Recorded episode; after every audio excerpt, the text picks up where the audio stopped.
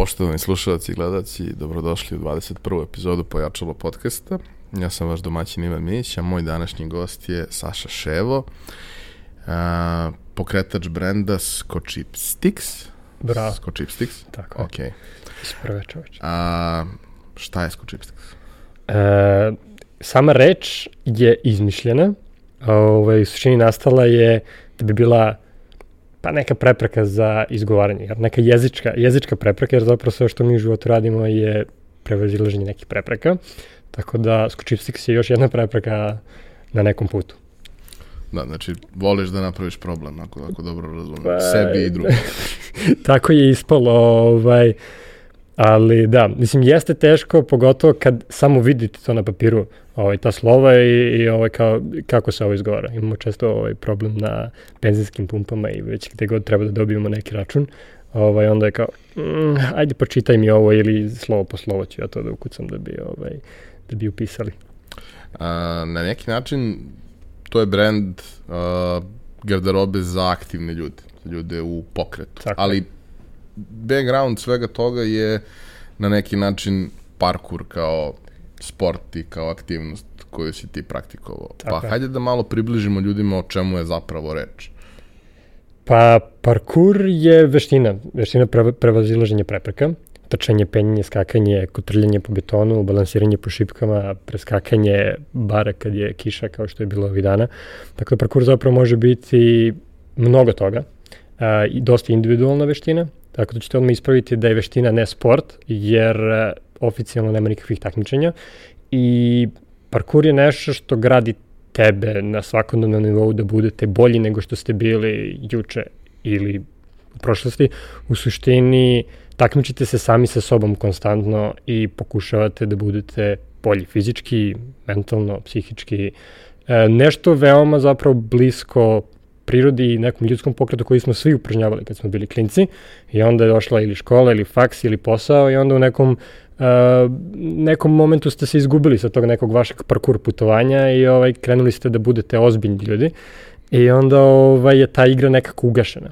A parkur je zapravo samo reč kao definicija te, te igre ili, ili ta, ta veština koja je danas dobila oficijalno ime i praktikuje se, postoji škole, akademije i, i mnogo toga ovaj, se razvilo u parkuru u posljednjih 30 godina kada je nastao prvobitno u Francuskoj. E, zapravo neki prvi kontakt sa tim još pre ovog nekog perioda gde ovaj, su i neki drugari počeli da se, da se bave time, preko njih smo se i upoznali.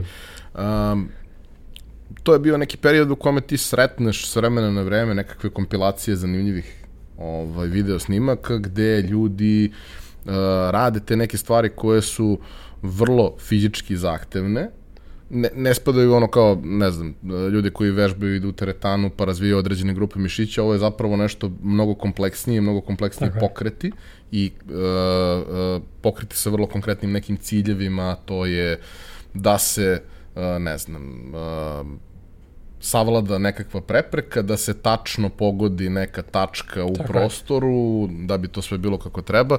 Dakle, to su oni momenti gde ono kao ljudi uh, preskaču zidove, Sve.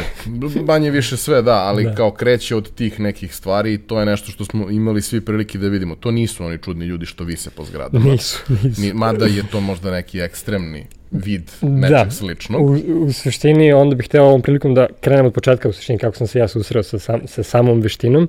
Ovaj, Kula, Vojvodina, 2005. U suštini sam početak parkura na ovim prostorima. Ovaj, srednja škola, 17 godina, e, dobijam CD četvrti čas, tipa imam, još, imam šest časova, četvrtom času dobijem CD i drugar koji mi je dao kaže, ovo moraš da vidiš.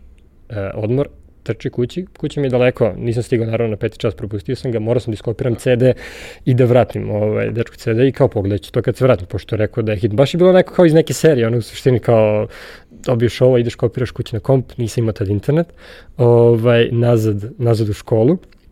Uh, jedva sam čekao da se završi taj šesti čas, ono, kući i odmah pf, da gledam što je to. Tad sam video nešto što sam se odmah zaljubio. To je, na videu su bili ljudi koji su preskakali, uh, momci koji su, zapravo momci, da, mladi, mladi, mladi momci koji su preskakali neke šipke, radili akrobacije i kao, ja ovo želim da radim. I iz tog momenta sam kad sam pogledao video, izašao napolje u dvorište da probam nešto, naravno, padnem jedan, dva put, tri put, petsto puta, vratim se, gledam još, stopiraj, izađi napolje, ponovo, ponovo, ponovo, ponovo i tako u suštini se rodila ta neka ljubav ka tom što sam ja video. U suštini cilj je bio da iskopiram ovaj, te pokrete i da naučim nešto novo.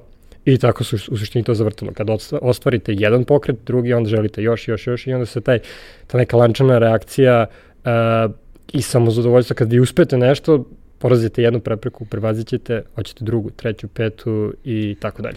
Tako da u suštini sve počinje tamo i prve, prve dve godine ja u suštini treniram sam sa ovaj, ljudima koji su a, pokušali da treniraju, malo bili uključeni pa izašli. Tako da te neke dve godine je u suštini neki samostalan trening i istraživanje zapravo te same veštine, šta je to, kako se radi. Ne znaš da iko to trenira u Srbiji zapravo, mislim da sam jedan jedini tek nakon uh, uh, među vremena dobijem internet i naravno da je lap and pronalazim da još ljudi u Srbiji se bavi time i onda kreće ta neka pustolovina, jel? Ovaj, traženja tih drugih ljudi, tih drugih iskustava i šta oni rade i onda ta razmena. I moje prvo putovanje je zapravo do Novog Sada i tu poznajem drugu ekipu i tada se desio neki veliki bum, u suštini ja sam imao 19 godina I toliko sam bio zaljubljen u tu veštinu i kao ja ovo želim da radim, šta mogu da uradim povodom toga.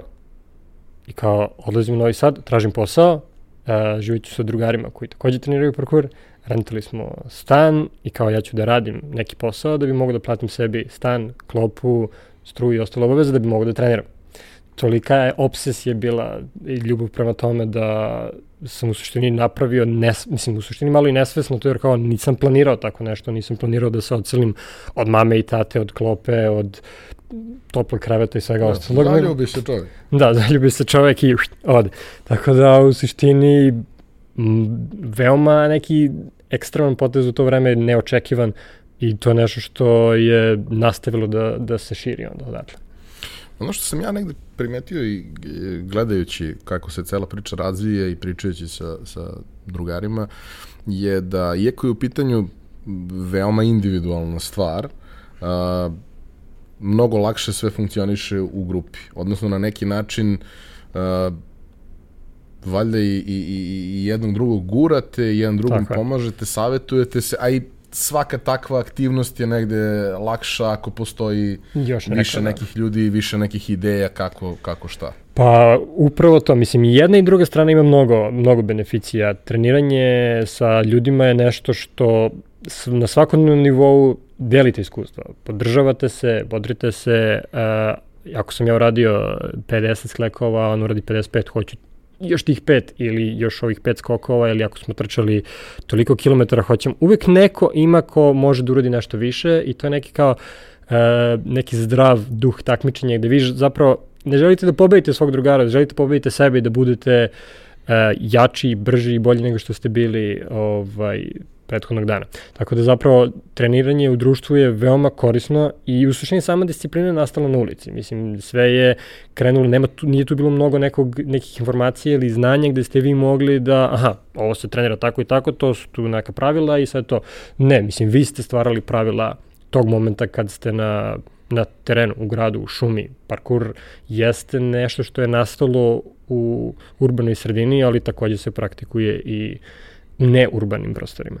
Tako da, samo ću da dodam da taj trening u društvu je veoma, e, se brzo razvija, ali samostalni trening je takođe nešto što je veoma bitno u parkuru sam, sa moje strane, iz moje perspektive, jer tu gradite dodatno sebe. Vi kad izađete sami na trening, prvo treba da smislite šta ćete da radite, gde ćete da radite, e, vreme puno sporije, ovaj, ide, a i treba mnogo nekih više mentalnih prepreka da prevazićete. Sad mislite samo da trebate uraditi neki skok i prođe vam kroz glavu, ako sad padnem i polomim nešto, na primjer, kako ću da odem kući ili...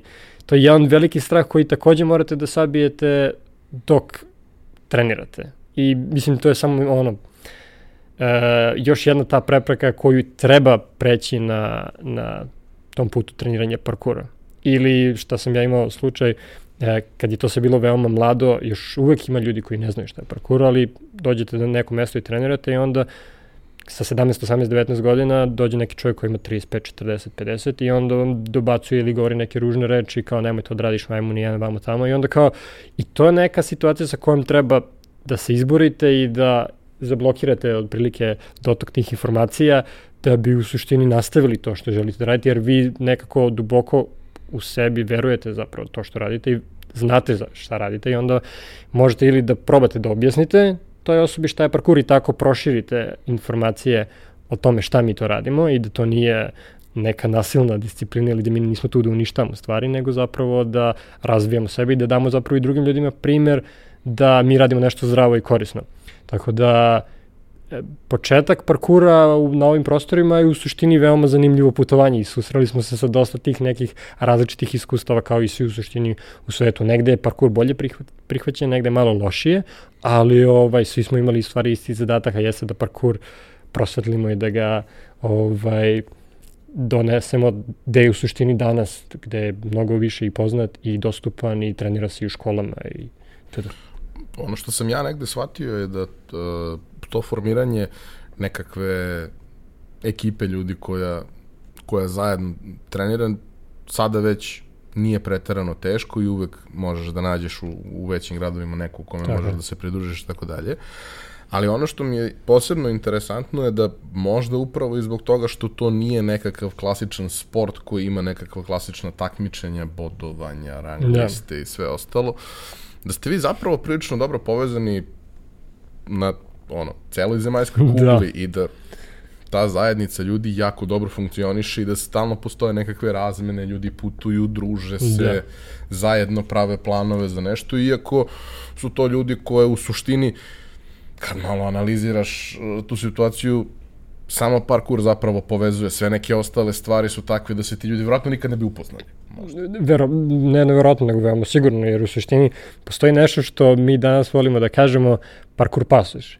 Parkour pasoš je upravo to da a, ljudi koji su se ranije upoznali kad je zajednica još bila malo manja, ovaj, kome god vi da pišete u toj nekoj drugoj zemlji, da li to bilo neka Skandinavija ili neki drugi deo sveta, ako ta osoba trenira parkour već neko vreme i vi trenirate parkour, možda se znate preko interneta, možda se ne znate bilo kod doba dana, e, ja bih volao da dođem u tvoj grad da treniram, da razmenim iskustva, ta osoba će automatski ili će ti dati komad poda ili kreveta koji ima ili nešto i onda će jedva čekati zapravo da krene u tu razmenu informacija ovaj, tog nekog parkura. Tako da tako je ta, na, na osnovu toga je ta zapravo zajednica izgrađena. Mislim i, i kod nas i uh, svugde okolo nekog isti princip je bio i došao je do toga da danas parkour u suštini ogroman ovaj, u odnosu kakav je bio početkom 2000-ih i do 2008. 9. 10. A šta se konkretno dešava u smislu, da kažemo, tog nekog rasta zajednice, šta su neke aktivnosti koje su sad počele da se dešavaju, a pre ih nije bilo, šta su neke dobre stvari, a šta šta su možda i neke stvari koje dolaze samim tim što je sada to već da, postalo da, dovoljno pa, masovno?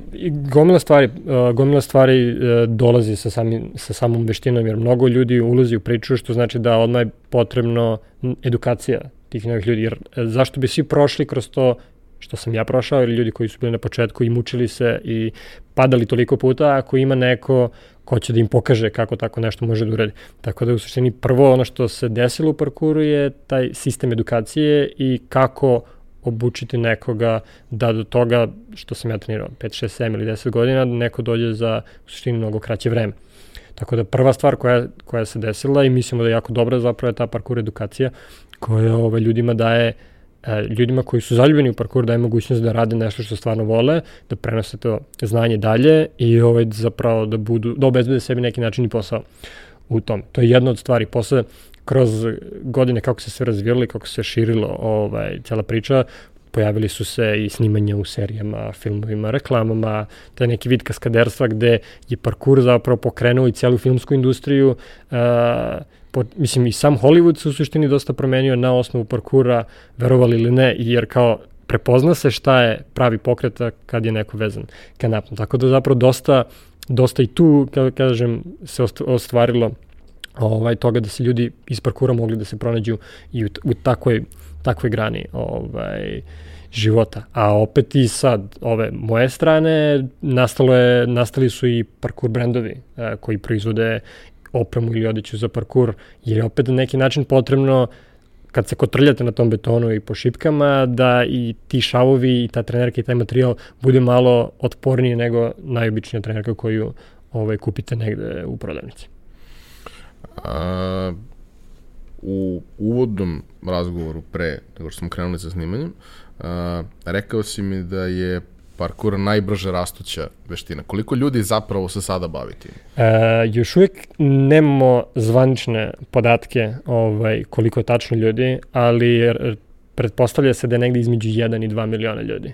Kad uzmete u obzir da 2000, treće, četvrte, pete je bilo svega nekoliko stotina ljudi, jedva hiljadu, dve ljudi, e, to je najbrža rastuća disciplina u istoriji, a mislim najveća zasluga tome je sloboda koju parkur nudi u suštini, gde vi možete parkuru trenirate bilo gde, bilo kada, a, bez obzira na vremenske uslove, plus zapravo više prepreka da se prevaziđe, a ovaj, tako da E, sa druge strane, ne, ne treba vam nikakva oprema za parkur. Vi možete u suštini parkur da počnete da trenirate i da ga trenirate bez ikakve odeće, bez ikakve obuće, jer je i to u suštini isto deo parkura.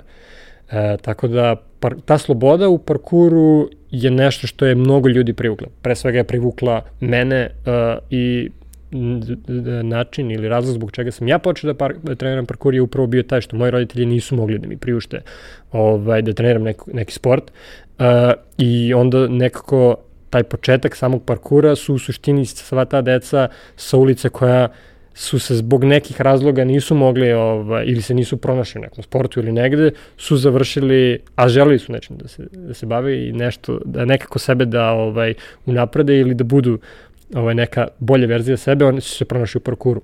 Tako da sam parkur je imao dosta dobar, dobar, dobar basic, dobar start, dobar, dobru osnovu dobrih, kvalitetnih ljudi. A definitivno pomaže i to što je stvar jako atraktivna. Jeste, naravno, jedan od najvećih zapravo pomagala u razvoju parkura je svakako YouTube e, koji se pojavio 2006. i jedno vreme je na YouTube-u uh, čak bio negde isto nezvaničan sa podatak, te na YouTube-u bilo najviše uploadano parkour videa, a ne računamo muziku, ali kao a, sportskih aktivnosti, koliko su ljudi, jer e, poenta, mislim poenta, mnogo ljudi volelo da to što radi i zaokruži neku priču e, svog treninga od 5 godina ili godinu dana da stavi na YouTube kao neki rezultat toga što trenira, jer upravo zbog toga što nema takmičenja, a postojala ta neka online zajednica koja je zapravo e, delila sve te stvari koje radite. Svako ima, kreira neki svoj parkur. Ja ne znam, volim recimo da se penjim po drveću i sad sam napravio neki video koji šume i onda ću da stavim to i onda će svi ostali moji prijatelji moći to da vide, a i ja ću zapravo moći da vidim e, svoj proces napredovanja parkura ili sam taj sve te različite stvari koje sam radio, imao sam period recimo kad sam se posvetio a, kondiciji, snazi, pa onda mogu da napravim video o tome ili da napravim video koji je trčanje bos kroz šumu ili ovo ili Tako da zapravo i taj, te informacije na YouTube-u su pomagale zapravo mnogima da aha, ja sad hoću ovo da kopiram i želim da napredujem u tome, tako da je bilo mnogo tih unakrasnih dešavanja koje se desile zahvaljujući YouTube-u i ostalim online ovaj, sajtovima, tako da je tu se desio boom u stvari. Tako da je internet kriv za sve. Jasno, i generalno za sve, a ne da. samo za parkour. A, hajde da se, da se dotaknemo malo više priče o, o, o samom brendu. Kad ti kapiraš da bih hteo da uđeš u, u, u priču sa pa, proizvodnjom garderobe kakva generalno ne postoji. Da, o, nikad nisam ovaj to kapirao, niti, niti sam mislio da ću to da uradim. E, to je još nešto što se desilo sasvim iznenada kao što se desio i moj odlazak u, u Novi Sad otprilike. Ovaj, nisam nikad maštao da ću praviti Pre svega nisam nikad maštao da ću držati ljudima treningi parkura, pa se to desilo, jer kao nisam video to tad. Fokus je bio kompletan u treningu i onda kao sve stvari koje su postepeno dolazile u parkur, aha, okej, okay, sad ću i to. Tako da se tako desilo i sa obučavanjem a, i sa obukom ljudi, tako da se to desilo zapravo i sa brendom. A, sve počinje negde 2010. Ta, taj uži krug ljudi u Novom Sadu sa kojima sam trenirao, ovaj, došao sam na ideju da, ok, e, hajde da zapravo na neki način napravimo nešto drugačije za te ljude i za sebe kao za tu malu grupu i napravili smo neki kao duks koji zapravo nije bio tu samo da bi bio drugačiji, jer kao možda odete u prodavnicu kupite pet plavih dukseva i kao bit ćete, vidjet ćete da ste tim. Uniformisani. Da.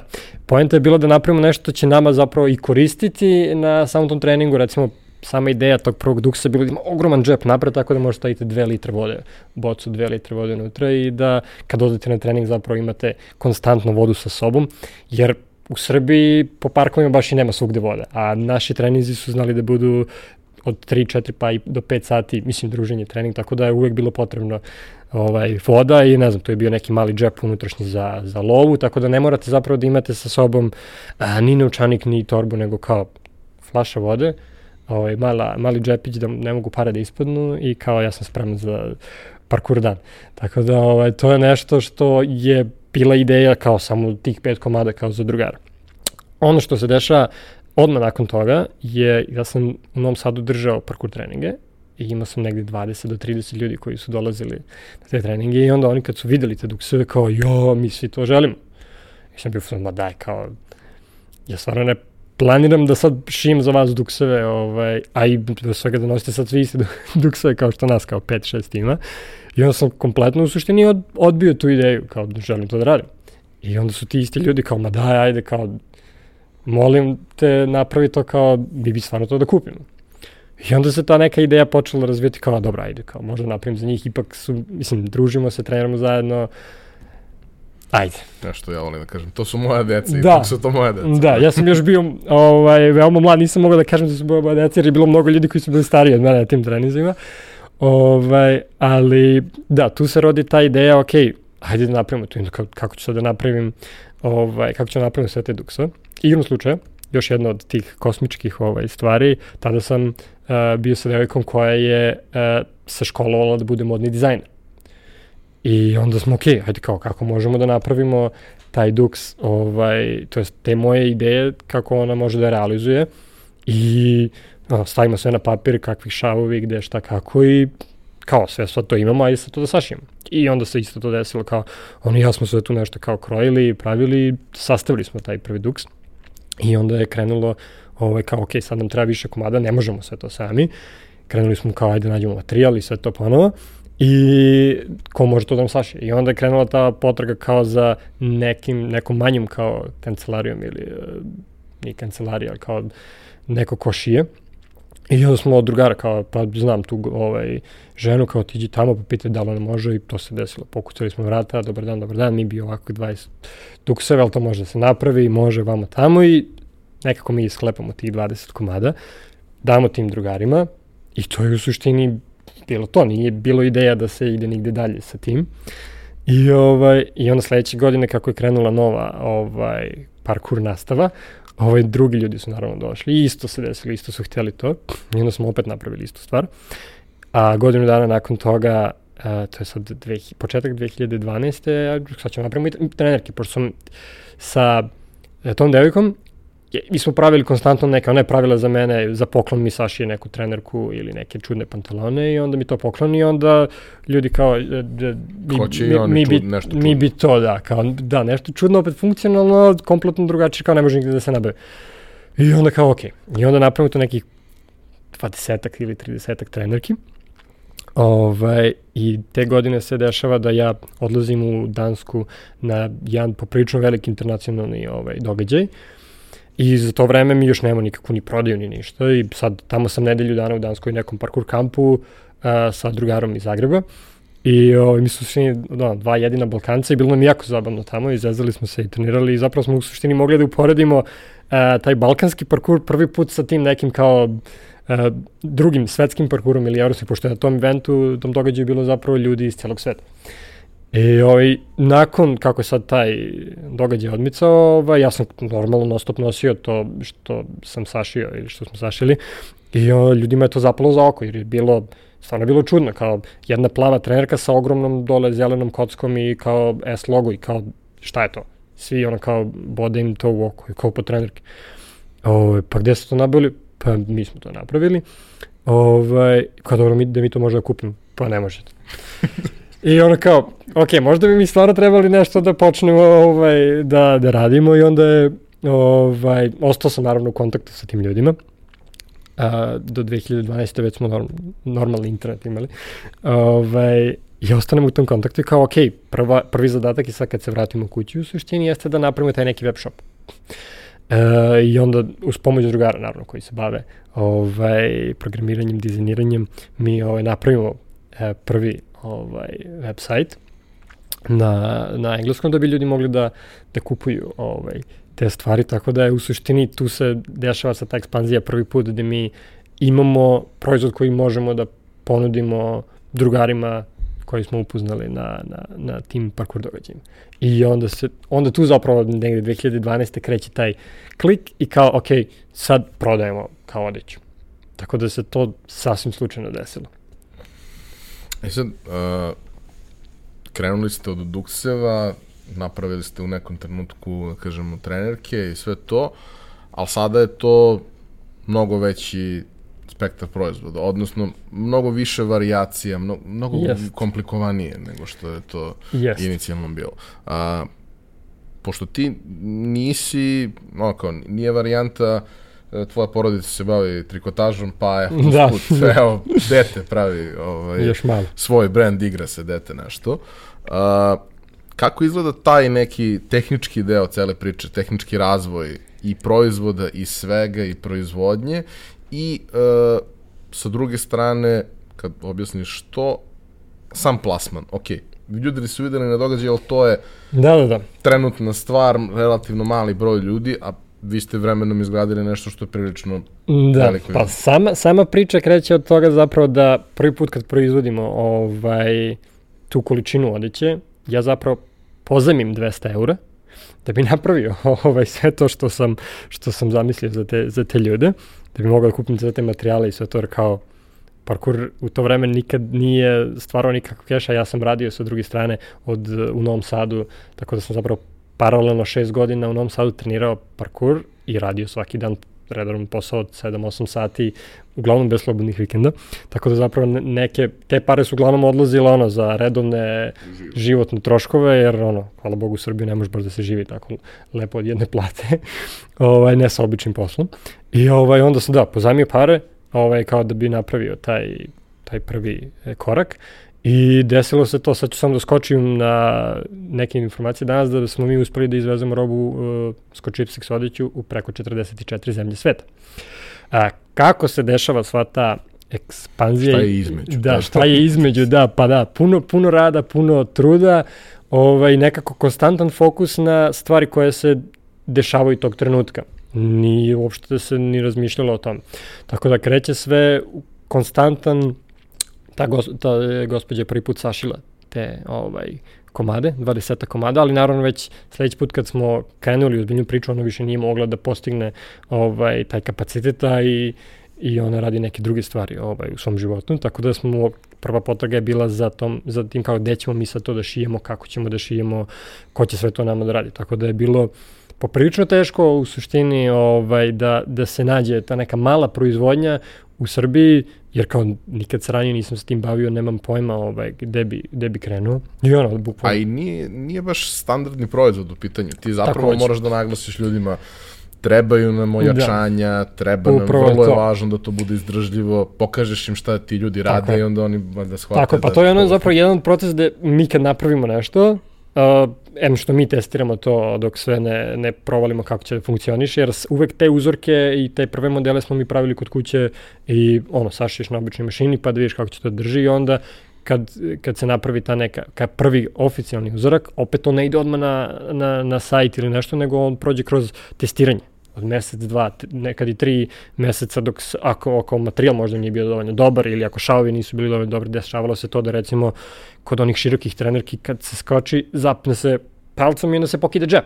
Aha, ok, onda malo da se modifikuje kroj, pa malo tu da još da se jače da bi to moglo da izdrži, jer kao prođe se kroz taj neki test, prvo sam ja konstantno uglavnom testirao tu odiću drugari, i ono bliži ljudi iz parkura koji su ovaj davali konstantno neke ideje i savete šta može tu da se promeni da bi to bilo bolje ili da bi izgledalo bolje. Tako da od samog početka je mnogo ljudi zapravo učestvuje u proizvodnji, stvaranju tog, tog proizvoda i, i brenda od, od uh, modnog dizajnera do osobe koja koristi to za direktno za skakanje i za kotrljanje po betonu, tako da onda i svi ti ljudi koji rade slične stvari kad uđu i kad probaju ovaj, tu odiću, onda mogu takođe da daju ovaj gomilu saveta ili ovo ne funkcioniše, ovo funkcioniše. Tako da taj neki početak, od samog početka je tako priča išla da se to uvek dobro testira kao ako ja nisam zadovoljan sa tim proizvodom i ako tu nešto ne funkcioniše, zašto bi uopšte to plasirao jer uopšte nije bila ideja da se zarade neki novci ili nešto, nego samo da napravimo nešto dobro i kvalitetno što će zapravo ljudima koristiti u, u njihovom treningu.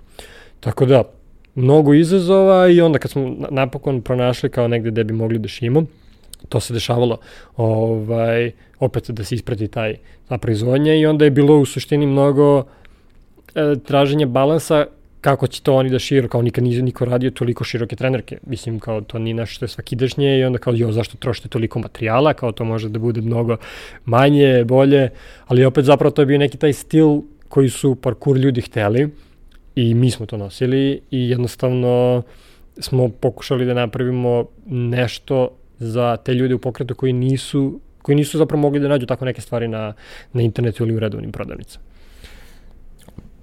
Kako zapravo izgleda kao, znaš, ti dođeš i kažeš hoću tako nešto, onda ti oni kažu pa ne treba to tako, pa, ali mi baš hoćemo to.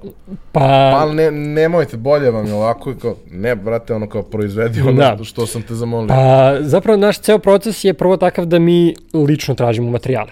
Tako da, uh, kad izaberemo materijal koji mislimo da funkcioniše, uglavnom nećemo odmah da kupimo neke velike količine, nego uzmemo, ako je moguće, količinu koja može da nam e, bude uzorak, napravimo taj uzorak i onda kad u suštini treba dosta toga da se desi da mi kod kuće sve sastavimo kako mi želimo i onda da se te neke druge promene eventualno dese tamo. Naravno, ne, uvek mora da se nađe neki kompromis i sa tim ljudima koji to šiju i sa nama nekad mi moramo da izbacimo neke stvari jer jednostavno ili ta neka, neki detalj mnogo poskupi proizvod ili taj neki detalj stvarno možda ne funkcioniše toliko dobro kad se radi neka veća količina ili uzima jako puno vremena.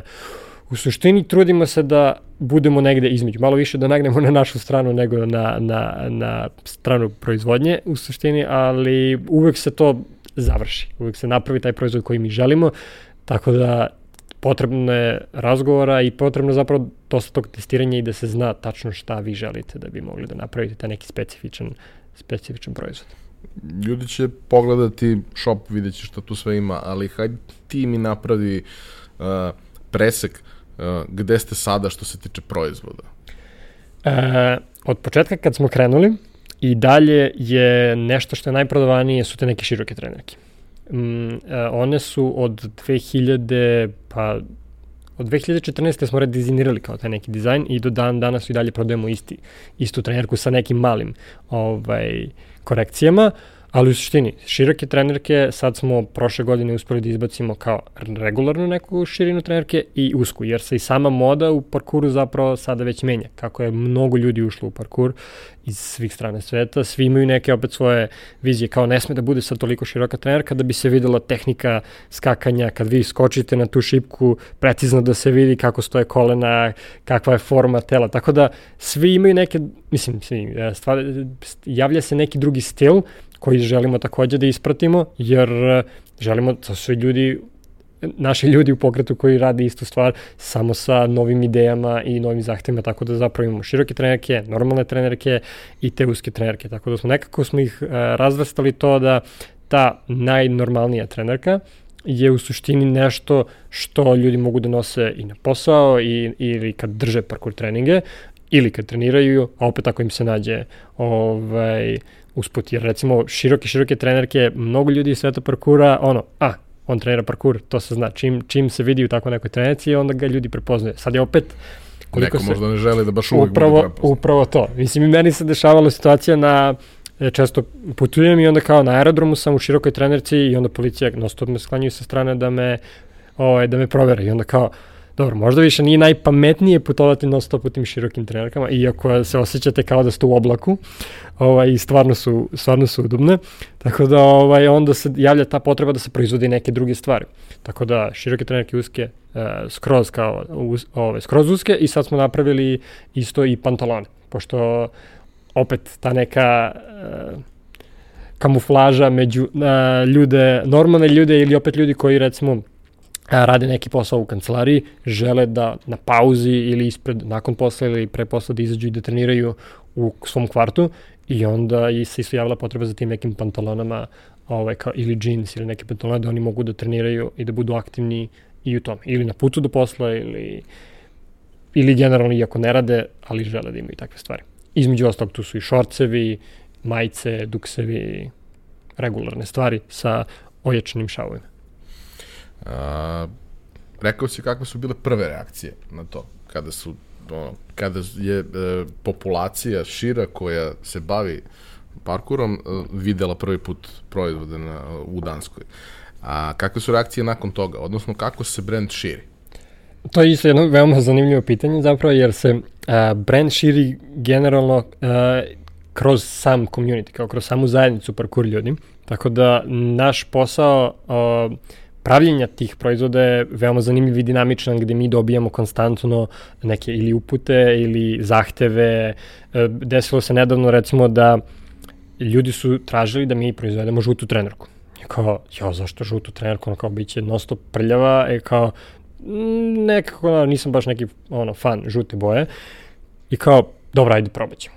E, desilo se to da smo, pošto često pravimo neke limitirane serije, jer kao nema potrebe da proizvodimo žutu 500 komada, ovaj, napravimo neku limitiranu seriju i kao da vidimo kako će sad to da prođe. Onda ceo taj proces je bio, ok, na, potraga za žutim materijalom, kakve boje će biti detalji, ajmo studio, fotkanje, završimo sve, stavimo ovaj, na net da to bude kao taj neki limitirana neka serija, 22 sata kasnije mi više nemamo ni jednu žutu trenerku. E, kao, neke neočekivane stvari, tako da ima jako mnogo dinamike u samom poslu i veoma je zanimljivo, jer ovaj, ti ljudi koji su u parkuru imaju jednostavno neke želje koje mi možemo da im ispunimo u odnosu na druge neke brendove, a to je sad opet još jedna stvar koju želim da pričam, a to je proizvodnja u Srbiji. To je ono što mi zapravo imamo proizvodnju ispred našeg nosa uh, i, žel, i možemo da, da pravimo takve stvari. Mi možemo brzo da reagujemo, da odemo sutra da nađemo neki novi materijal i da taj materijal već kroz desetak dana plasiramo kroz već te patentirane krojeve koje znamo da funkcionišu. Ova, I to je nešto što je recimo dobar, uh, dobra komunikacija sa našim ljudima, našim kupcima ili, ili ovaj, našim mušterijima što ovaj, mi možemo brzo da, da reagujemo na njihove zahteve.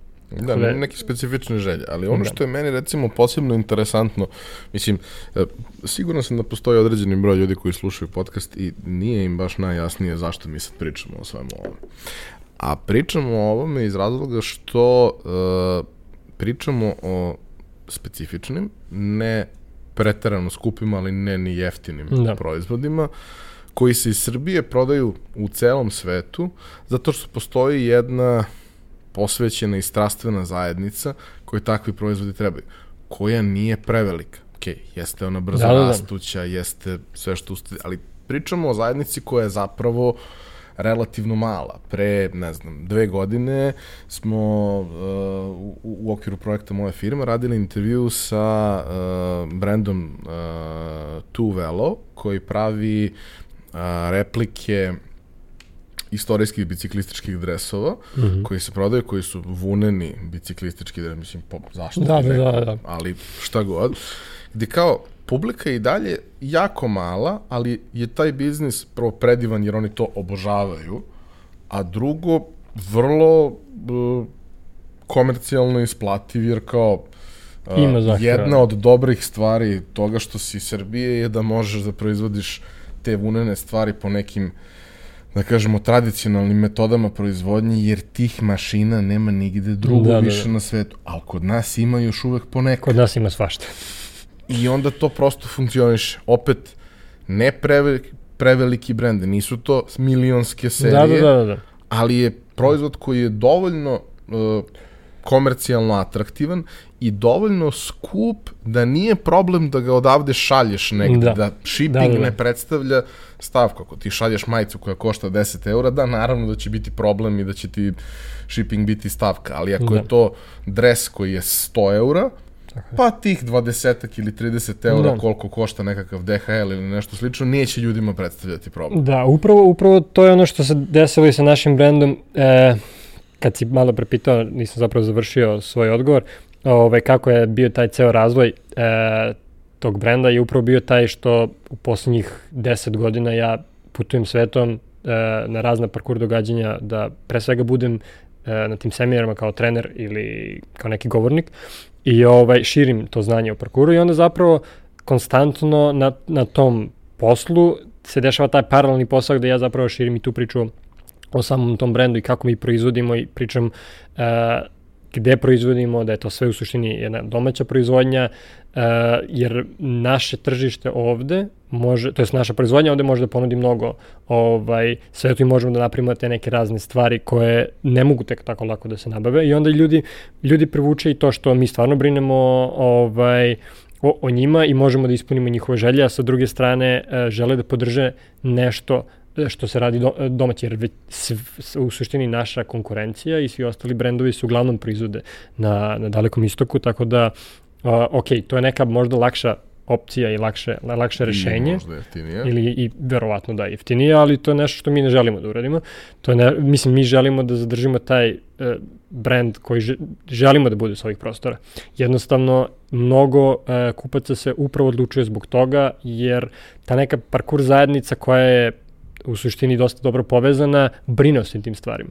Oni brinu da e, ko su radnici i kome se daje posao i žele da znaju takve stvari. Tako da i to je jedan veliki plus e, zašto se mi u suštini bavimo sa ovim poslom, jeste da imamo veliku podršku od ljudi. Oni ne kupuju samo te stvari, eto, samo da, ih kupili, da bi ih kupili, nego im je žele da pripomognu je razvoju još jednog, to jest jednog parkour brenda i žele, oni su nekako povezani deo su te priče jer su uključeni ovaj, u, u sve to. Kako su uključeni je jedan detalj gde mi imamo Facebook grupu sa, sa oko 700-800 ljudi, gde mi konstantno postavljamo pitanja i ovaj, to šta bi želeli da proizvodimo, koje su boje, tražimo zajedno imena ovaj, za neke na, naše proizvode i onda se tu dešava ta konstantno neka interakcija zapravo s tim ljudima. Tako da, vero, mislim, dosta smo dobro e, napravili taj neki, opet sasvim slučajno se desila sva ta neka interakcija i dosta je dobro napravljena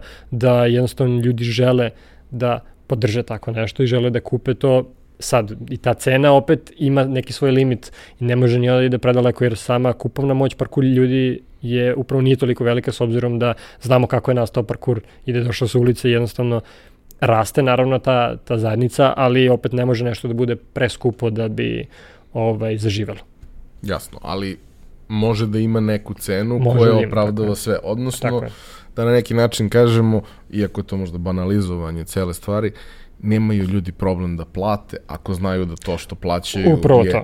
po svim nekim njihovim unutrašnjim kriterijumima ok, a na kraju je i sjajan proizvod koji oni dobiju, koji njima treba i oni ga koriste. Upravo da. Mislim, de desilo se nekoliko puta do sada da smo mi izbacili jednu stvar, samo jedan komad i onda napravimo kao neku aukciju I onda ovaj, se, ono, traje nedelju dana i onda se ljudi ono, bidaju kao nude više para. Jel, znaju da ima samo jedan komad. Ne radimo to namjerno jer nekad se desi da nađemo jako malo materijala. Ovaj, u suštini dobar je i vid marketinga, a sjajna je stvar za nekoga što želi stvarno da ima nešto unikatno. Recimo ovaj duks koji imamo sebi je napravljeno samo dva komada. Jedan je prodat, a jedan sam ja zadržao i taj jedan je prodat ono, instant ovaj, na internetu jer zna, zna, znali smo da nećemo to imati u redovnoj seriji i ovaj, ta jedna osoba koja je došla do njega je veoma ponosna što ima tako nešto. Tako da imamo često i tako neke ovaj, proizvode koji jednostavno su tu sad i nikad više verovatno, tako da mislim da je to sjajan, sjajna, sjajan detalj. A, pominjao si 44 zemlje. A, U prilike koje su neke najzanimljivije poručbine, destinacije, neke stvari gde si se čak i ti ono, da. upitao dobro pobogu, kako, odakle, šta je ovo? Pa, e, da, upravo to. E, kako sam putao kroz tih posljednjih 10 godina, obišao sam ja, verovatno, 30 zemalja. I uglavnom su poručbene dolaze ljudi koje upoznate na tom događaju, združite se, pa on prvo poruči i onda on preporuči prijatelju onda se taj krug nekako širi. Ali nekad mi stvarno nije bilo jasno kao otkud trenerka uh, u Namibiji, u Africi. Ili uh, Južna Afrika, tam stvarno nikog nisam znao. Nikad nisam bio u Africi uopšte. I e, prošle godine, kada sam bio na nekom događaju u Bostonu, prilazi mi ovaj, dečko i kao, jo, ja obožavam to što vi radite, stvarno sam ono, puna podrška i vidim da nosi trenerku i kao, pa odakle se, kao ja sam sve majke.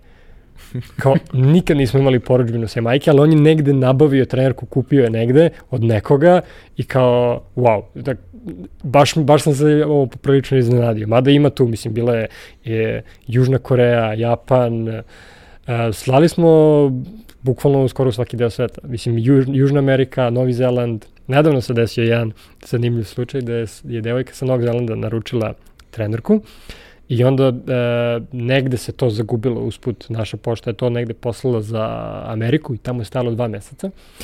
I sad dešava se ta komunikacija između nas i nje, kao pa gde mi je trenerka, zašto. Mi ne možemo da uđemo u trag nikako. Ovaj, pošto kontaktiramo, oni kao isto nemaju, nemaju informacije tek za nekih mesec dana. Ja sam već oprostio trenerke u fazonu, ok, uh, postaćemo ti novu, naravno, kao ne, ne, možemo, ne, ne znamo šta se dešava. Ona ovaj, dolazi na isti događaj koji ja dolazim kao u Škotskoj prošle nedelje ili pre dve nedelje i ovaj, kao ajde doneću ti tu sad da ti ne šaljem opet da se opet ne zagubi. Umeđu vremenu njoj stigne ova trenerka, a onda je kupila još jednu jer kao uopšte se nije ni naljutila ni ništa, mislim zna kako funkcioniše biznis, zna kako proizvodimo, zna ovaj koliko uložimo truda i onda na bilo kraju toliko je bilo zapravo odušljenja sa tom trenerkom da ok, kupit ću onda i ovo odmah kao ne mora ovaj, da bude nikakva zamena. Tako da i ljudi su veoma povezani za brand i to je nešto što nas zapravo jako motiviše da radimo dalje. Uh, kažeš da si obišao 30 zemalja kroz ta svoje putovanje. Pominjao si sad Škotsku. Uh, šta je tu se, da kažemo, zanimljivo dešavalo? Gde ste sve bili? Kako izgledaju uopšte skupovi na kojima se, na kojima se družite? Pa sad su veoma različiti. Ranije je to bilo da su uglavnom ta neka radionica dešava u jednom gradu i onda ono, iz cele okoline dođu ljudi da ovaj, treniraju. To su uglavnom edukativne radionice gde uglavnom je to neki vikend, subota, nedelja, ovaj, kada je to 6 sati treninga subotu 6 sati treninga u nedelju i za tih 6 sati u suštini imate nekoliko ili jednog instruktora koji ovaj pripremi neki program a, treniranja to jest kako želi da podeli informacije i način treninga sa kojim vežbam da bi ovaj ljudi dobili te informacije.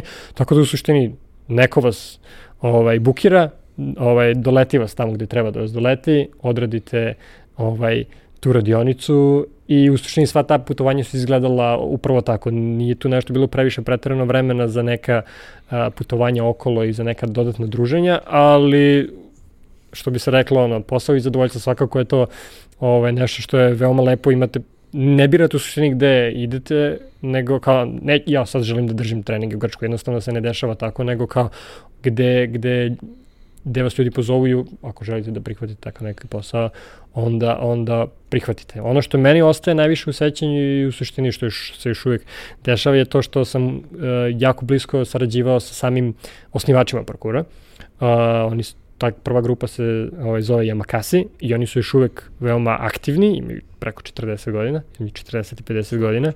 Da, i u suštini još uvek ovaj, su na zavidnom nivou treninga.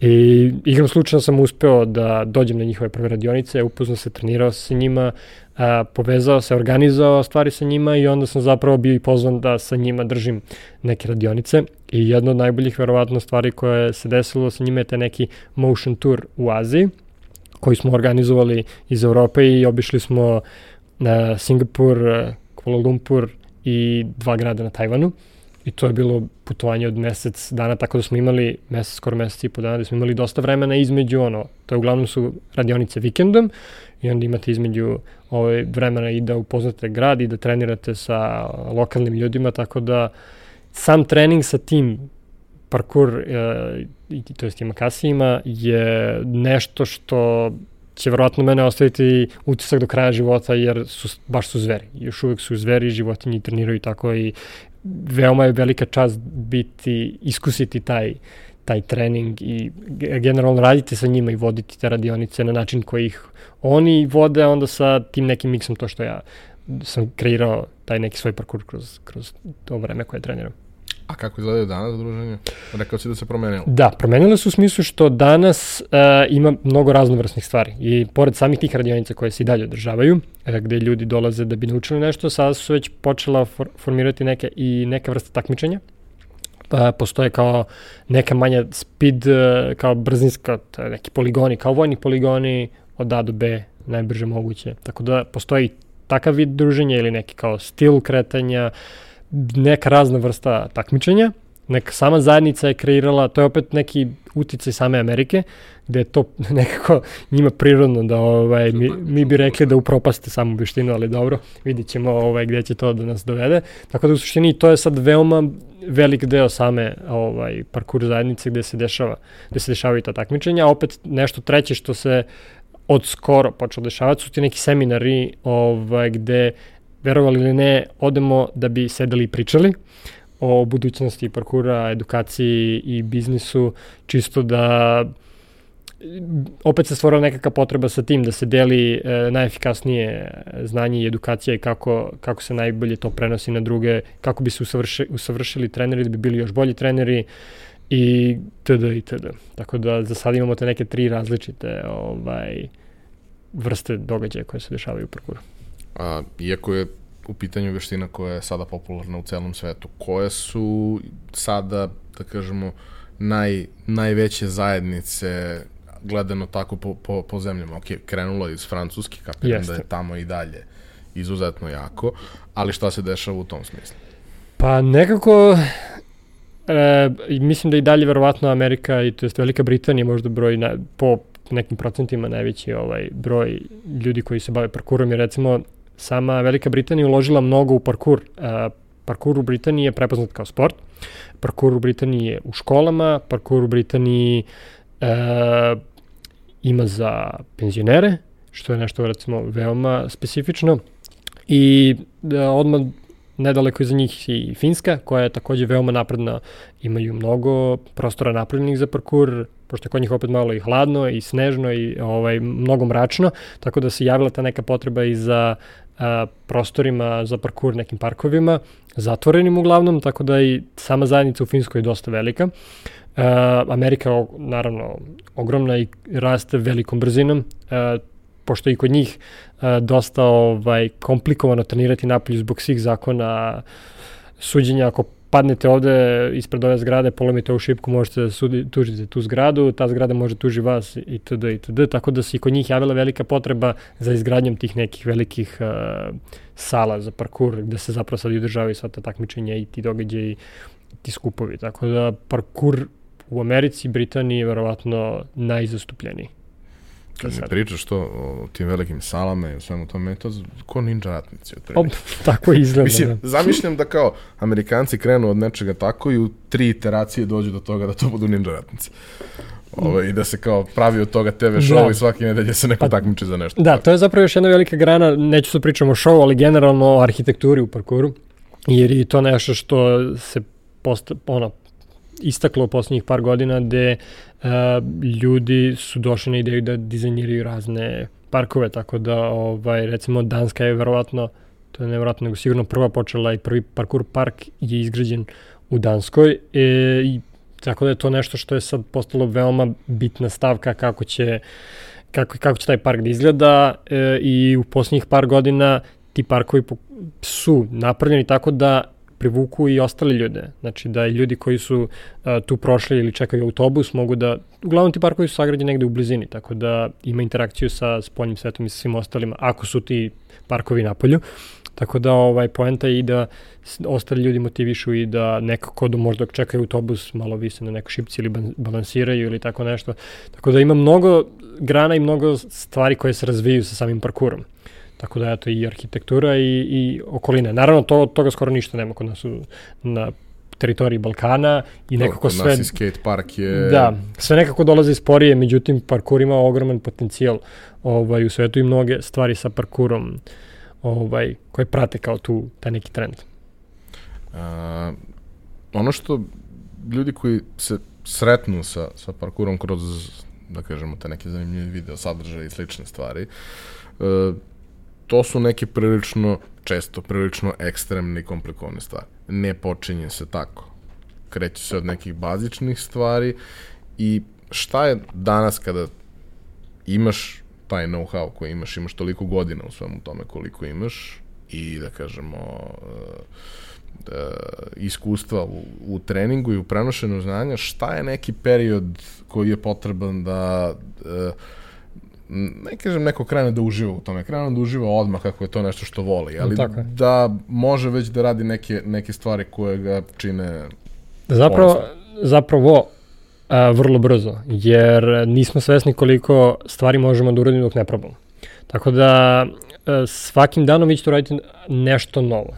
Zavisi I dosta. koliko stvari ne možemo. Da, i koliko ne možemo, da. ovaj, pa to je ono, e, dosta individualno, kao što sam rekao i na samom početku, i zavisi koliko ta osoba, kako pristupi tom parkuru i kako pristupi treniranju, ali na internetu ima toliko informacija i na YouTube-u za razliku od 2004. i 5. Tako da stvarno ima, neki ljudi su bukvalno počeli tako što su čitali o parkuru. I onda su se tako ovaj, pri, privuku ih je parkur.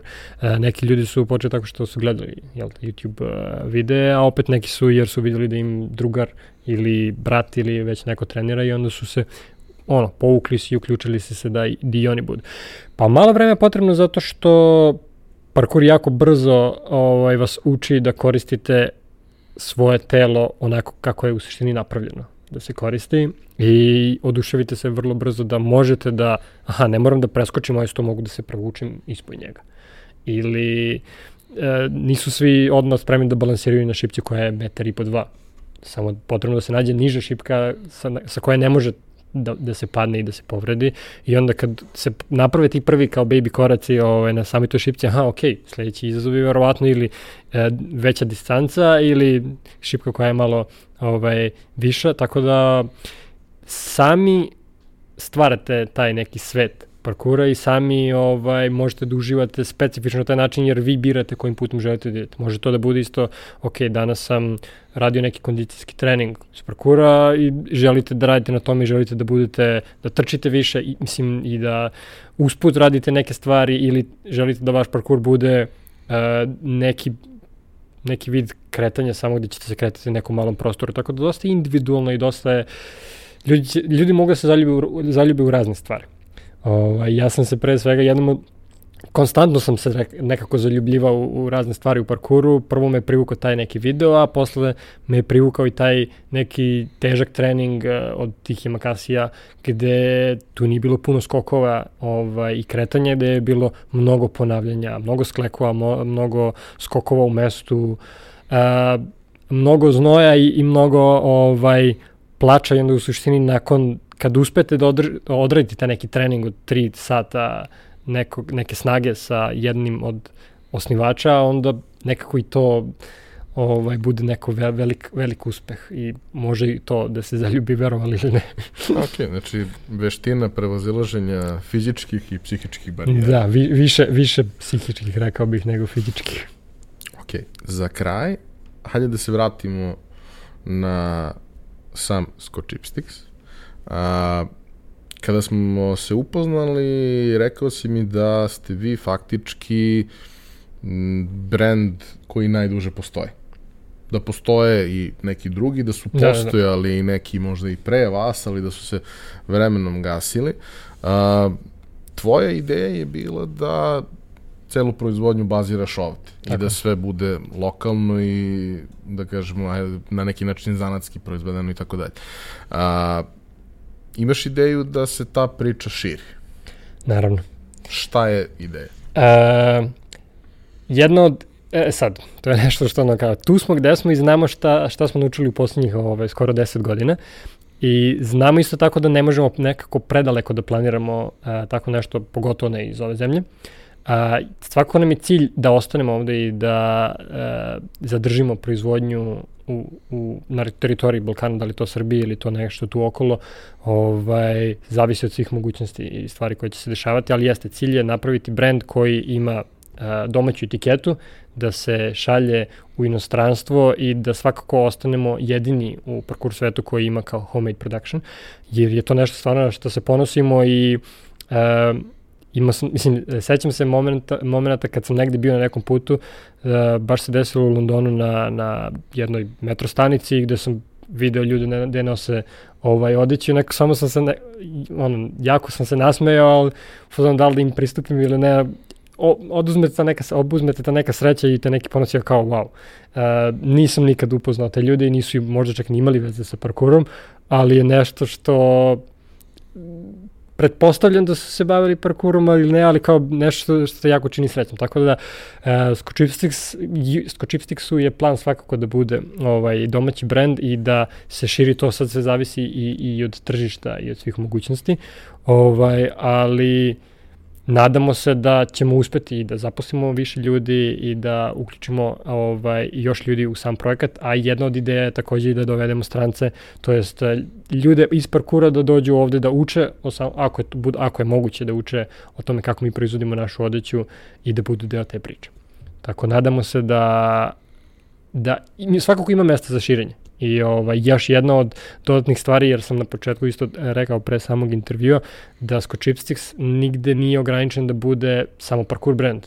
Mi smo For People in Motion, to nam je slogan, i želimo zapravo da budemo tu za sve ljude u pokretu i zapravo da motivišemo da se ljudi priključe i da se bave pokretom i da jednostavno vode neki zdravi život i da mi budemo deo njihove priče. I ako, ako možemo da budemo njihova deo priče, da budemo i da im pomognemo na tom putu ako žele proizvode koji tako izgledaju i da taj način funkcionišu, odnosno omogućavaju im da oni funkcionišu tako na taj način, vi ste adres. Ako ne, ima toliko tako. drugi. Naravno. Ali vaša publika Naravno. je ovo. Naravno. Saša, hvala ti što si bio. Hvala vama na pozivu. A, bilo mi je zadovoljstvo, ti si najaktivniji od svih e, dosadašnjih gostiju. Ove, ovaj, definitivno. A, poštovani slušalci i gledalci, nadam se da vam je bilo zanimljivo. Vaše komentare očekujemo u ovaj, poljima predviđenim za to, a kao i do sada vas molimo da sve eventualne ideje, predloge pošaljete preko društvenih mreža ili, ili preko sajta i pomognete nam da budemo još bolji u, u, u ovome što radimo.